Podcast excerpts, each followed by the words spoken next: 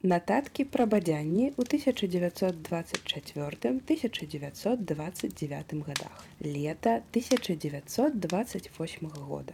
Мінулым летам Палікарповіч, праводзячы археалагічныя доследы на сожы, напаткаў на палеалітычную стаянку.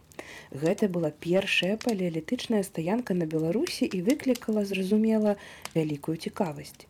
Канстанцін Палікарповіч, які знайшоў стаянку, быў цікавы чалавек, цалкам адданы сваёй працы.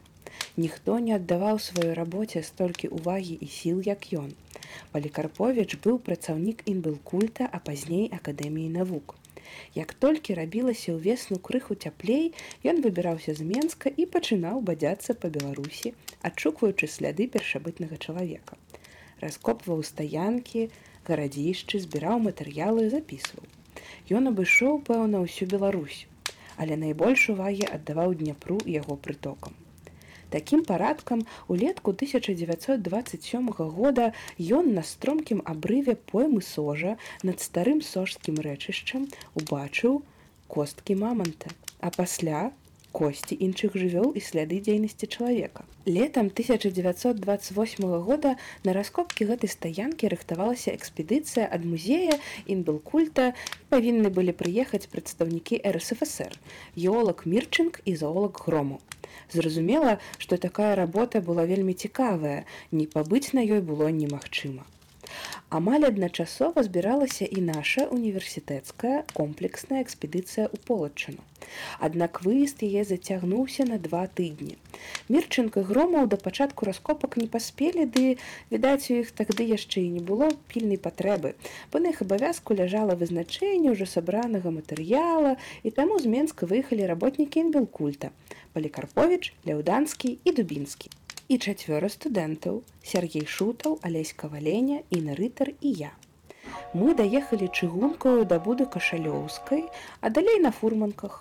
У літаратуры гэта стаянка мае назову бердышская але фактычна знаходзіцца каля маленькага новага пасёлка а вёска бердыш ляжыць з кіламетру баку ад стаянкі. Гэта стаянка не дала багатых вынікаў там было знойдзена толькі безліч касцей маманта Косці другіх жывёл, як аленя, мядзведзя, траплялі рэдка, а яшчэ менш было слядоў дзейнасці самога чалавека. Гэта цьмяны бок стаянкі. Чаму чалавек, які скарыстаўшыся тут сотню мамантаў, заставіў так мала свае зброі і наогул слядоў жыцця. Стаянка раскінулася на беразе вялізнага глубокага рова. У гэты роў і былі скіданы ўсе косці жывёл. Пласт мамантавых касцей меў таўшчыню каля двух метраў. Бесканечная тоўшча велізарных касцей запаўняла ўсё дно рова. У далейшым гэты роў занесла зямлёю, запаўняла даверху і зраўняла з акружаючую мясцовасцю. Нашым заданнем было зняць зямлю зверху да касцей і разабраць асцярожна ўсё, што там знаходзілася. Дно гіганцкай студні, усё заваленае касцямі трэба было паціху, асцярожна, адмятаючы кожную косць мяцёлачкай разабраць, выцягваць косці наверх, рэстаўраваць тыя, якія рассыпаліся і углядацца, ці няма дзе-небудзь крамянёвая зброі. Работа ішла паціху, хоць мы цэлы летні дзень сядзелі ў сваей яме. Работы пачыналі рана, гадзіне а першай другой ішлі купацца, а пасля абедаць. Паабедаўшы з гадзіну адпачывалі ці дурэлі, а пасля ізноў на работу да вечара. Жылі ў сялянскай хаце, гаспадыня за нейкую невялічкую плату шчыра карміла нас. Аж цяпер дзіву ўспомніць, колькі мы з'ядалі там зараз. Асабліва ў гэтым кірунку вызначыліся мы за лесем. Добры саган бульбы ў мундзірах, вялізная патэльня смажанага сала, булка хлеба з бан малака, самавар гарбаты, усё гэта снеданне. А абед быў яшчэ мацнейшы. У абед на дэсерт падабаўся яшчэ кошак трускавак, якія звычайна знішчалі мы за лесем. Цэлы дзень на рабоце разы два пакупаўшыся, вядома, адчуеш апетыт. Аднак аднастайная работа скора абрыдла і я вырашыў уцячы, каб пабыць яшчэ на полачыне ці паехаць на ўкраіну дне прабудці на мора. Я яшчэ не бачыў мора, яно мяне моцна вабіла. Таму, пабыўшы каля двух тыдняў, я першы кінуў гэту справу і прыехаў у Менск, дзе трапіў на самы выезд полацкай экспедыцыі. Тураўская экспедыцыя настолькі ўславіла нашу арганізацыю, што гэты раз не трэба было ехаць прасіць грошу ў полацкага таварыства, якое, дарэчы, здаецца, і не мела ніякіх сродкаў работнікаў. Па хадатайніцтву печэты сродкі даў галадзет. Старшыня саўнаркама тысячу рублёў. Значыцца, з грашовага боку экспедыцыя мела добрую базу, але яна далёка не дала таго, што дала тураўская частка найбольш кваліфікаваных работнікаў, якія прымалі ўдзел у тураўскай экспедыцыі як шутую каваленя былі ў бердажы. Праўда, ехаў з экспедыцыяй сербаў, але гэты нудны чалавек к чацвёртаму курсу страціў для нас усю вартасць. Мы, гледзячы на яго работу, а не верылі ў яе вартасць. Не ехалі і моваведы. Юрашкевіч і адзінец яны былі заняты нечым іншым. Заміж іх ехала Вера Ванькевіч, асоба непараўнана слабейшая, чым адзінец. Мацней за ўсіх была медычная секцыя. Збіраўся і наш ранейшы фіціграфшчык, але ўжо без свайго прыяцеля. Я, прыехаўшы да Менска, напаткаў прыяцеля, з якім умовіліся ехаць на ўкраіну, а адначасна трэба было збірацца ў полачыну, куды экспедыцыя выязджала ў той жа дзень. Здаўны вядома, што калі чалавек мачае дзве солі адначасна, то добрых вынікаў ад гэтага не бывае. Я не быў выключэннем з гэтага правіла. З аднаго боку мяне лаялі удзельнікі экспедыцыі, што я запазніўся, а пра тое, што не паеду, не можа быць і думкі, а з другога лаяў прыяцель, якога я падбіў ехаць на ўкраіну, а зараз рашыў не ехаць. Выйсце было знойдзена ў кампрамісе. Я ехаў у полацк на самы кароткі тэрмін, а адтуль у Кіў, дзе спаткаюся з прыяцелем і паедзем далей удвох. Полацкая экспедыцыя дала мала ўражанняў, мала радасці, а яшчэ менш вынікаў. Я сам фактычна удзелу не прымаў зусім і таму нічога людскага сказаць пра яе не магу. Я быў толькі ў полацку і бліжэйшых яго ваколіцах, не ставячы пры гэтым сабе ніякіх пэўных мэтаў. Полацк даўней наша сталіца пасля важнейшай вайсковай гандлёвы пункт канкурэнт Кіеву, цэнтр навукі, сталіцы езуітаў і гэтак далей гэтак далей. горад, які меў выключнае значэнне для гісторыі не толькі Беларусі, зараз зусім чахлы гарадок. Кіяў занепадаў некалькі раз, але зараз гэта найлепшы горад Украіны. У нас слуцк і магілёў таксама некалі быўшыя вялікімі гарадамі прыйшлі ў заняпад. Але яны ніколі не мелі таго значэння, якое меў полацк, а па-другое, яны зараз лепш выглядзяць, чым полацк. Лёс полацка можна параўнаць хіба з лёсам Ноўгарада і Пскова, але Ноўгарад зараз усесаюзны музейны цэнтр. Там больш захавалася ад мінулага і гэта мінулае ахоўваецца, вывучаецца, яно ведама, і туды едуць экскурсіі. У полацку такога нічога не было і няма. Гэта таксама горад музей, горад як ніводзін горад Беларусі насычаны гістарычнымі помнікамі, ён зусім закінуты. Адзінкі даследчыкі заязджаюць туды на кароткі тэрмін, даюць эпізадычныя работы, а самі сучасныя палачані ведаюць пра свой горад столькі ж, колькі ведаюць іншыя жыхары пра свой. Гэта значыць нічога. Здаецца, нават і думка такая не ўздымалася, каб ператварыць полацкую музейную станцыю ці хаця б даць апісанне горада. Пара друкаваных прац даўяла і брунова зразумела не магла заткнуць такую дзірку. Полацкае краязнаўчае таварыства мела менш сіл нават у параўнанні з другімі нашымі таварыствамі. Шавялюрны хлопец Сергей Мялешка быў экспансіўны чалавек, з азартам мог ён казаць прамовы, але зрабіць нічога не ўмеў, другія члены таварыства былі адміністратары просто малапісьменныя людзі якія маглі дзівіцца якая вялікая костка мамонта у іх былі добрыя замеры і больш нічога. Скрозь работа ідзе тагды калі ёсць хоць адзін чалавек які ўвесь адданы справе і ведае што як трэба рабіць. Ён робіць сам туза ганяе на работу другіх паказвае вучыць як трэба рабіць. Скрозь дзе быў такі хоць адзін чалавек. Ішла работа былі вынікі а полску яго не было і таму вынікаў таксама не было. Усіх нас агулам пасля абвінавачвалі, што мы длубаліся ў старасведчанне, што цікавіліся і апісвалі замкі, церквы. Гэтыя людзі не хацелі ведаць ці, можа і сапраўды не ведалі, што ў 11-12 стагоддзях у гарадах не было палацаў культуры і рабочых клубаў. Гэта былі жульніцкія абвінавачванні. Не два затрымаліся мы ў полацку, аглядаючы сам горад сучасны і яго архітэктурныя помнікі. Як кожны старасветскі горад ён ляжыць на рагу паміж двух рэк заходняй дзвіны і палоты. Дарэчы, трэба высветліць, калі з'явілася назва заходняя. Зразумела, што е раней не было, якая сувязь слоў дзвіна і даўгава. І таксама, як другія гарады назову сваю атрымаў ад ракі.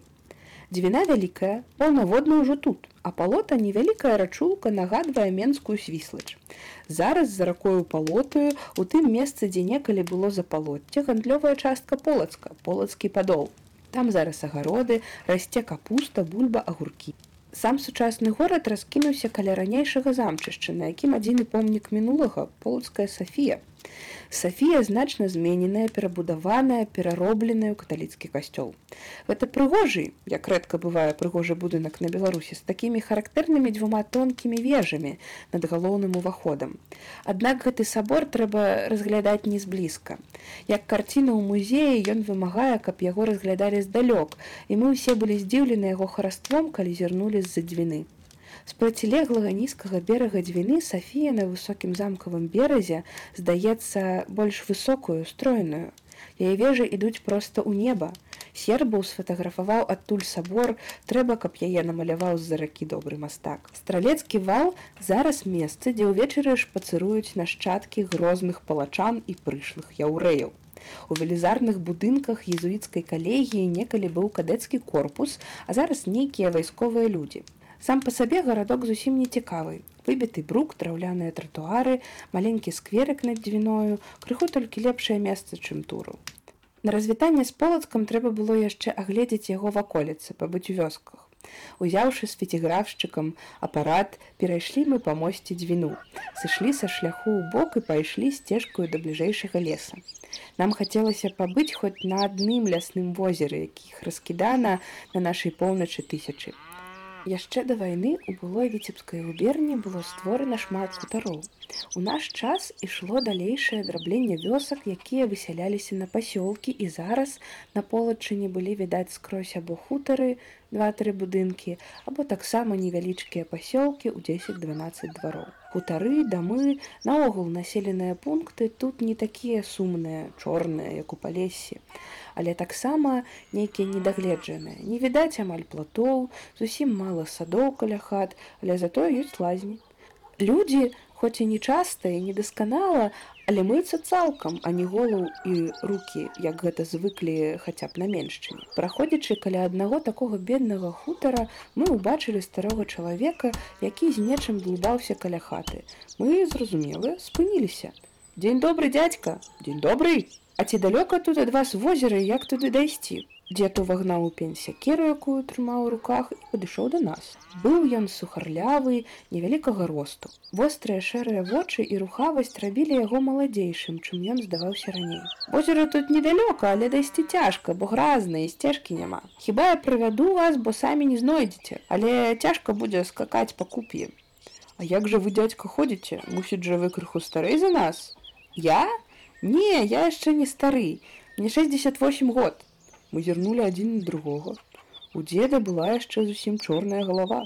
Дарогую дзед расказаў пра сваё сямейнае жыццё. Ён удавец, сын нядаўна ажаніўся і ўзяў сабе ліхую жонку, якая не давала дзеду жыцця, не глядзела яго. Тады дзед сам аб сабе паклапаціўся, ён ажаніўся нядаўна сам. Ого, дзед, дык вы проста герой! Мы пачалі глядзець на дзеда з пашаны. Скачучы па куп'і ледзьве прыкметнаю сцежкаю ішлі мы густым лесам і вось раптоўна без усякіх папярэдніх дадзеных перад намі расчынілася невялікае лясное возера. Зусім круглае, з празрыстаю вадою ў рамцы густога лесу возера выглядае вельмі прыгожа. Но невялічкае метраў 100-150 поперак. На процілеглым беразе рыбацкі човен, ціш і спакойна. Быў поўдзень гарачага ліпеньскага дня. Сонца паліла, але тут у лесе над возерам было ціха і прахладна. Гэта пра такое возера склаў цудоўны верш Максім Богданович. Гэта люстэрка лесуна з цыкла старая Беларусь. Пасадзіўшы на пень дзеда, калістрат сфотаграфаваў яго на фоне гэтага возера і мы пайшлі назад. У той жа дзень я паехаў назад у Менск, а адтуль на ўкраіну. З чым ты едзеш? запытаў мяне прыяцель у Менску, калі я сядзеў ужо ў вагоне цягніка, у цябе ж грошай няма. Маю 33 рублі яшчэ, адказаў я. Той зарагатаў, А ці не будзеш ты ісці пехатою дамой з адэсы, ён амальна прарочыў. Цягнік адыходзіць з Менска апоўначы. Я сцялю на паліцы праўду і кладуся спаць. Месцы агледжаныя, знаёмыя, цікаваць няма на што. Раніцаю будзем ужо на ўкраіне, тады можна будзе глядзець. Прыпяць пераязджаем, калі ўжо паднялося сонца. Яшчэ некалькі часу за прыпяццю ідуць станцыі з надпісамі па-беларуску і па-руску, а затым заміж беларускіх стаяць украінскія. Але яшчэ больш дакладна, чым дзяржаўныя надпісы тут мяжу адзначае публіка. У вагон лезуць тыя ж таўшчэзныя бабы, ад якіх у мінулым годзе гнуўся ў адзін бок параход. Гэтыя бабы і азначаюць, што ідзе ўжо хлебародная ўкраіна. Оўруч, корасцень, які ўвесь стаіць на суцэльнай вялізнай скале і далей рака цецераў. Гэта азначае, што недалёка кіў, На станцыях смуглая, рослая і прыгожыя кіяўляне і кіяўлянкі. Яны вызначаюцца скрозь у натоўпе. Кіяў, такі ж красавец, як і ў мінулым годзе, спатыкае гулам сваіх вуліц пахам летняй цёплай ночы. Я спыняюся ў доме селяніна. Гэта вялізны, добра абсталяваны будынак. Шаўчэнка глядзіць з пастаменты на сходах. Шаўчэнка ў зімовай шапцы і кажусе глядзіць са сцяны ў пакоі, ён жа ў чытальні толькі ў гэты прыезд кінуўся мне ў вочы гэты культ шаўчэнкі на ўкраіне і ў прыватнасці ў ківе. Нідзе ў тыя гады па саюзе не адчуваўся так культ пісьменніка і наогуладныя асобы як гэта было з шаўчэнкам на ўкраіне. Скрозь скульптура партрэты безліч выданняў яго кабзара вуліцы пляцы паркі бульвары названы іменем шаўчэнкі. Яго магіла ля канева Зараз месца перапоўненае экскурсантамі. У чытальні сельбудынка стол завалены часопісамі і газетамі. Усе на ўкраінскай мове.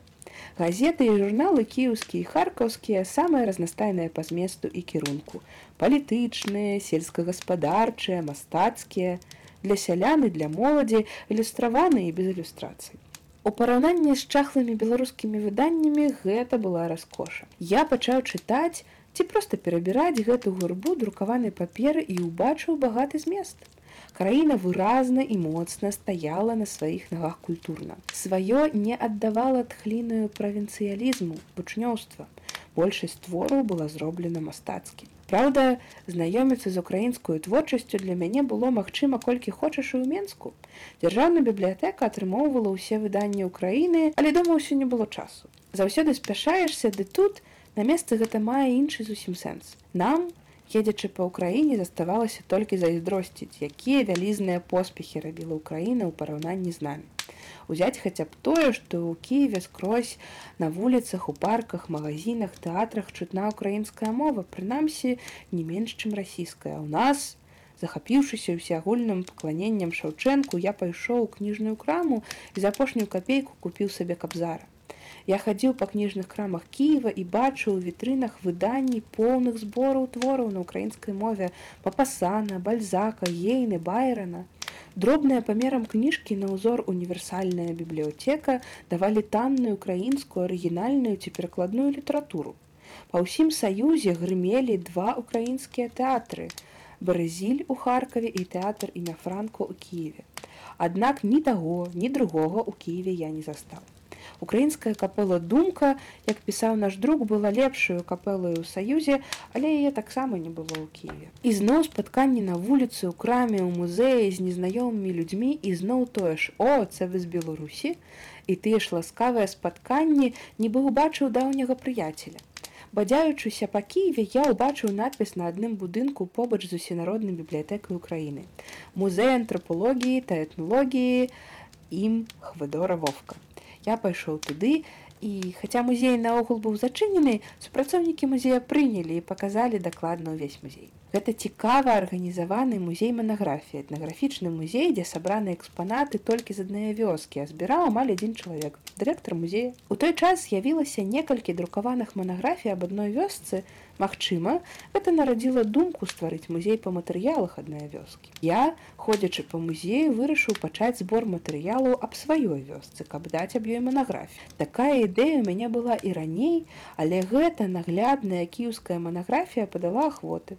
Дарэчы, у гэтым музеі мяне здзівіла архаічнасць прыладаў украінскага селяніна. Там было, напрыклад, рало, вялізны старасветскі няўклюдны плуг, які ледзьве цягнулі пара валоў. Драўляныя цяжкія вілы з трыма канцамі. Цяжкая драўляная павозка эпохі шаўчэнкі шмат чаго іншага, што здавалася перажыткам даўняй эпохі. Аднак, супрацоўніца музея якая вадзіла мяне по музею сказала что хоць усе музейныя экспанаты паношаны старыя але ў гэтай вёсцы зараз яшчэ ўсё новае робіць на той жа ўзор. І ўсе экспанаты якраз адбіваюць не мінулае але сённяшні дзень. Маё здзіўленне яшчэ больш вырасла калі я даведаўся што ўсё гэта сабрана каля самога кіева. Праўда, на чарнігаўшчыне, але зусім недалёка ад Кіева ўверх па дзясне. Шмат якія экспанаты сваёю прымітыўнасцю нагадвалі палесе. Наша меншчына пайшла далёка ўперад.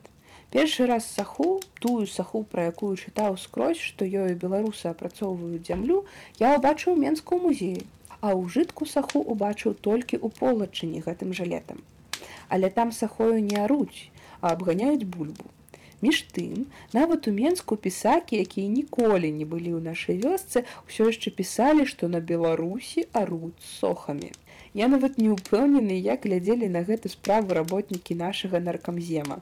Здаецца, пэўная частка іх трымалася погляду, што саха ў нас пануе. Тады ўжо ў друку часцей часцей успамінаўся трактар, але гэту машыну бачыў надта мала хто. І у нас казалі, што трактара мараць можна толькі на роўных украінскіх стэпах. На нашых узгорках ён не пойдзе. Мае 32 рублі усыхалі.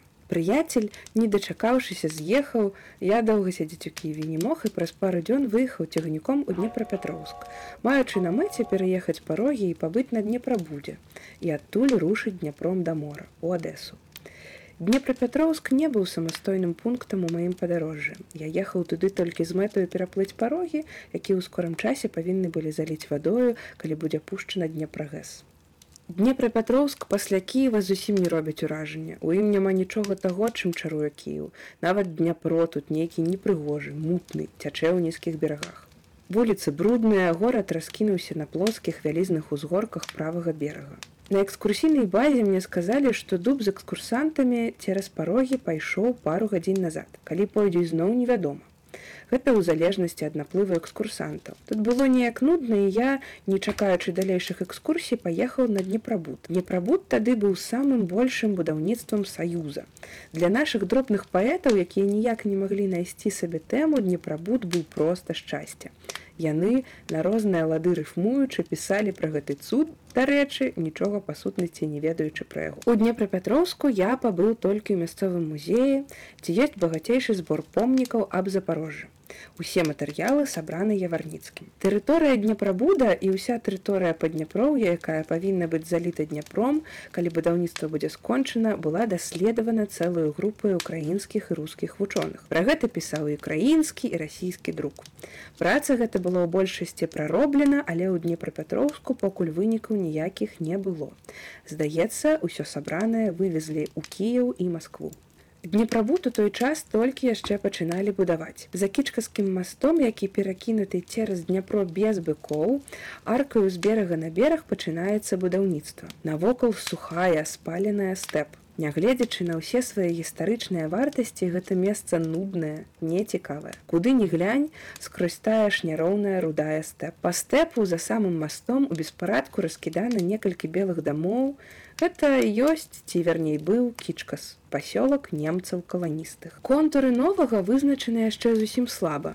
На беразе дняпра вялікі трохпавярховы будынак галоўнага інжынера днепрабуда. Гэта адзіны добры дом збудаваны ў модным тады кубічным стылі, хаця ён і выглядзець крыху лепш, чым скажам, у нас будынкі універсітэта ў Менску, дзе гэта кубічнасць даведзена да абсурду. Побач з домам галоўнага інжынера баракі ці проста палаткі, якія выцягнуліся ўздоўж дняпра. На беразе мітусяцца людзі, бегаюць аўто чуваць грукат узрываў але асабліва напружаных тэмпаў будаўніцтва яшчэ не відаць ці можа гэта здаецца таму што работы раскіданыя на вялізнай адлегласці я ехаў на днепрабуд з горада запорожжа мы плылі кацерам па дняпры і на левым беразе дняпра увесь час рвалі пароду мітусіліся людзі на днепрабуд увесь час сыпаліся ўжо экскурсіі. Часам вялікія але было нямала і адзіночак як я.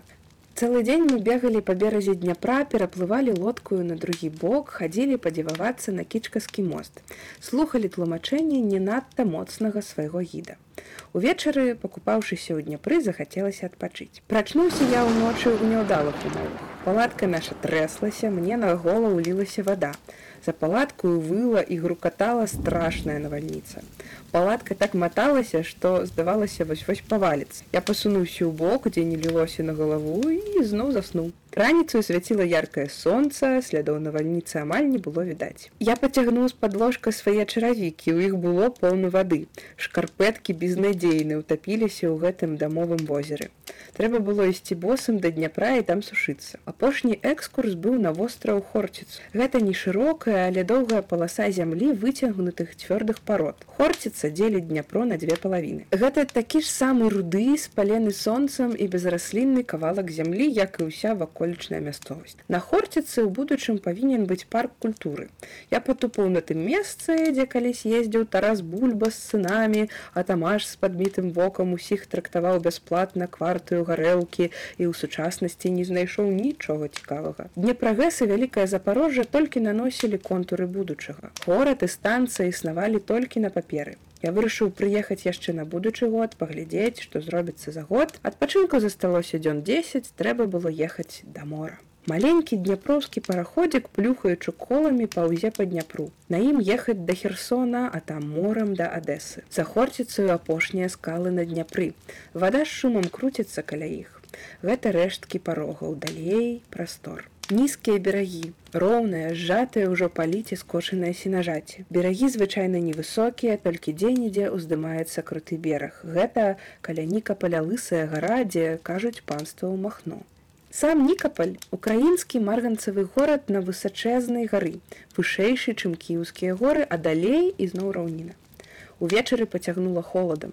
Пасажыры палезлі з палубы ўніз Я баяўся не даглядзець што-небудзь цікавую, увесь час сядзеў наверсе, хоць мой стары макінтош грэў зусім слаба.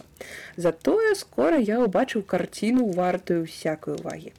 На правым беразе дняпра ўзняліся горы такой вышыні, якой я яшчэ не бачыў, а на самой вяршыні гары выцягнулася вялізная вёска. Уласна, гэта былі дзве вёскі, вялікія і малыя ярлы. Сонце заходзіла. Мы яго ўжо не бачылі, але герлы былі ўсе ў косых променях сонца і зіхацелі. Хаткі грыбы, дрэвы, людзі і жывёлы, якія мітусіліся перад сялом, былі паказаны надзвычайна ўдала. Ад прыстані да сяла па крутой крутой гары паўзе дарога. Скачучы па обрыву да нас нясецца куча дзяцей. Бабы прадаюць паляныцы, дыні кавуны. Высока на гары дзяўчаты заспявалі песню дзве дзяўчыны сялянкі, якія былі на нашым параходзе, не вытрымалі і падхапілі матыў. Гэта была нейкая украінская народная песня. Раніцаю ў нядзелю мы былі ў херсоне. Параход у Адэсу адыходзіў толькі ўвечары і я пайшоў аглядаць горад. Дняпро тут шырокі, другі бераг ледзьве відаць. Ён як у тумане. Па дняпру бойкі рух уздоўж у поперак па дняпру носяцца лодкі, вялікія і малыя шумам да прыстані падыходзяць рачныя і марскія параходы. Малюсенькія лодачкі, паставіўшы мачту звычайную палку і нацягнуўшы ветрасць прасцірадла, нясуцца цераз дняпро, перавозячы кавуны, памідоры, паляныці і проста кучы людзей. На беразе крык тлум таргуюць усялякім дабром, чым багат херсон. Усё невіданна танна. На рынку параконныя фурманкі, нагружаныя даверху пшаніцаю кавунамі. Сам горад не цікавы, невялікі, пыльны, увесь загарэлы ад сонца. На акраіне земляныя валы старой крэпасці. Музей, дзе побач з экспанатамі старагрэцкай культуры вісяць фатаграфіі херсонскіх людаедаў 1920 года. Перад самым музеем выстраілася шарэнга каменных баб з украінскіх курганоў. Гэты горад мае зусім асобнае аблічча. Ён не падомен да другіх гарадоў саюза, не толькі паўночных, але і украінскіх. Магчыма, ён мае сабе блізнюкоў у сучаснай Грэцыі, дзе я не быў. У ім зусім не відаць дзерава як будаўнічага матэрыялу і амаль няма дрэў наогул. Украінскага ў херсоне менш, чым ва ўсіх іншых гарадах Украіны. Увечары на параходзе жалябов адплываем з херсона. Параход дае трэці сігнал, матросы бяруцца за сходні, а з берага ўвесь час яшчэ нясуцца пасажыры. Частка з іх добра выпіўшы. Твары ружовыя вочы блішчаць. Экспансіўная жвавая публіка, якая падскоквае на палубе, галосіць, крычыць праважаючым. Некаторыя лічаць, што яны на беразе выпілі замала і вырашаюць выправіць гэту памылку. Просто на палубе расчыняюцца чамаданы, выцягваюцца пляшкі гарэлкі, віно, з'яўляюцца памідоры, кілбасы і пачынаецца баляванне. Гэта ў большасці адэсіты. Яны учора ўвечары прыехалі ў Херсон, а да раніцы будуць назад у Адэсе. Адэсіты, ведама, народ музычны. Хто гэтага не ведаў, той мог упэўніцца. Адэсіты, выпіўшы і закусіўшы, пачалі пробаваць свае вакальныя здольнасці, але, відаць, з прычыны позняга часу гэта выходзіла кепска. І тады яны вырашылі спаць. Некаторыя папаўзлі па сходах уніз у каюты, другія пачалі прымайстроўвацца на палубе. Я першы раз у жыцці выходзіў у мора і не хацеў нічога ўпусціць, таму вырашыў не спаць всю дарогу. Дняпро скора кончыўся. Пачаўся ліман. Берагі адыходзяць далей і далей. Яны ўжо страцілі сваю форму, расплыліся ў чаротах, а пасля зусім зніклі ў вячэрнай тьме. Управа ад нас на беразе мільгаюць агні. Яны ледзьве блішчаць недзе на самым небасхіле. Цёмная, густая ноч толькі на небе вялікія ясныя зоры. Ціш навокал. Толькі машына нашага парахода грукае ды вінт за кармою шуміць у вадзе. Шырокі спакойны ліман пераходзіць у мора. На моры свішча ветер ходзяць хвалі. Хвалі грукаюць аб барты пырскі ляцяць уверх. Параход пачынае гойдацца калі ён кідаецца ўніз здаецца што застаешся ў паветры под нагамі няма ўстою недалёка ад мяне сядзіць парачка. Яна мілуецца з самага херсона. Спаць яны не пробуюць як і я але пэўна па іншых прычынах. Блізка нахіліўшыся адзін да другога яны то ціха шэпчуцца то моўчкі глядзяць на мора. Мне крыху зайздросна. Аднаму ездзіць нуднавата. Аднымі ўражаннямі жыў не будзеш Калі параход пачало кідаць уверх і ўніз, то ў пары справы аказаліся дрэнь. Марская хвароба відаць, ані не зварочае ўвагі на каханне. Першым сарваўся мужчына. Ён кінуўся да борта, звесіў голову за парэнчы і яго пачало рваць. Хістаючыся, вярнуўся ён назад і ледзьве сеў, як прыйшла чарга жанчыны, праз пару хвілін усё яшчэ паўтарылася, а пасля яшчэ і яшчэ. З кучы спаўшых на палубе людзей вырваўся адзін, як падкінуты ўверх з пружыною і наступаючы на сваіх суседзяў пабег да борта за ім другі трэці параход кідала вецер свістаў хвалі ўздымаліся вышэй вышэй мне было таксама моташна але бегаць да борта не прыйшлося пасажыры лаюцца і пытаюць у каманды ці скора адэса ты абяцаюць зараз. Праз паўгадзіны ці гадзіну будзем на месцы так міная ноч віднее ветер сцішваецца я гляжу на пару Яна зусім зялёная, кудлатая, нібы толькі што была рукапашная. Ледзьве жывыя яны то суцішаюць адзін другога, то ізноў бягуць да борта, ім здаецца, дасталося найбольш. У адэсу прыходзім на ўсходзе сонца. Яна з мора не робіць уражання, здаю клумак у камеру і іду пабадзяцца па горадзе. У кішэні толькі чатыры рублі. Я з днепрагрэса прасіў ніну выслаць у адэсу крыху грошу, бо прадбачыў, што будзе ў адэсе туга. Прыйшлі ці не прыйшлі, будзе за што жыць ці не. Пошта пакуль зачынена, іду на самае высокае месца горада, каб адтуль пацікаваць на ўвесь горад.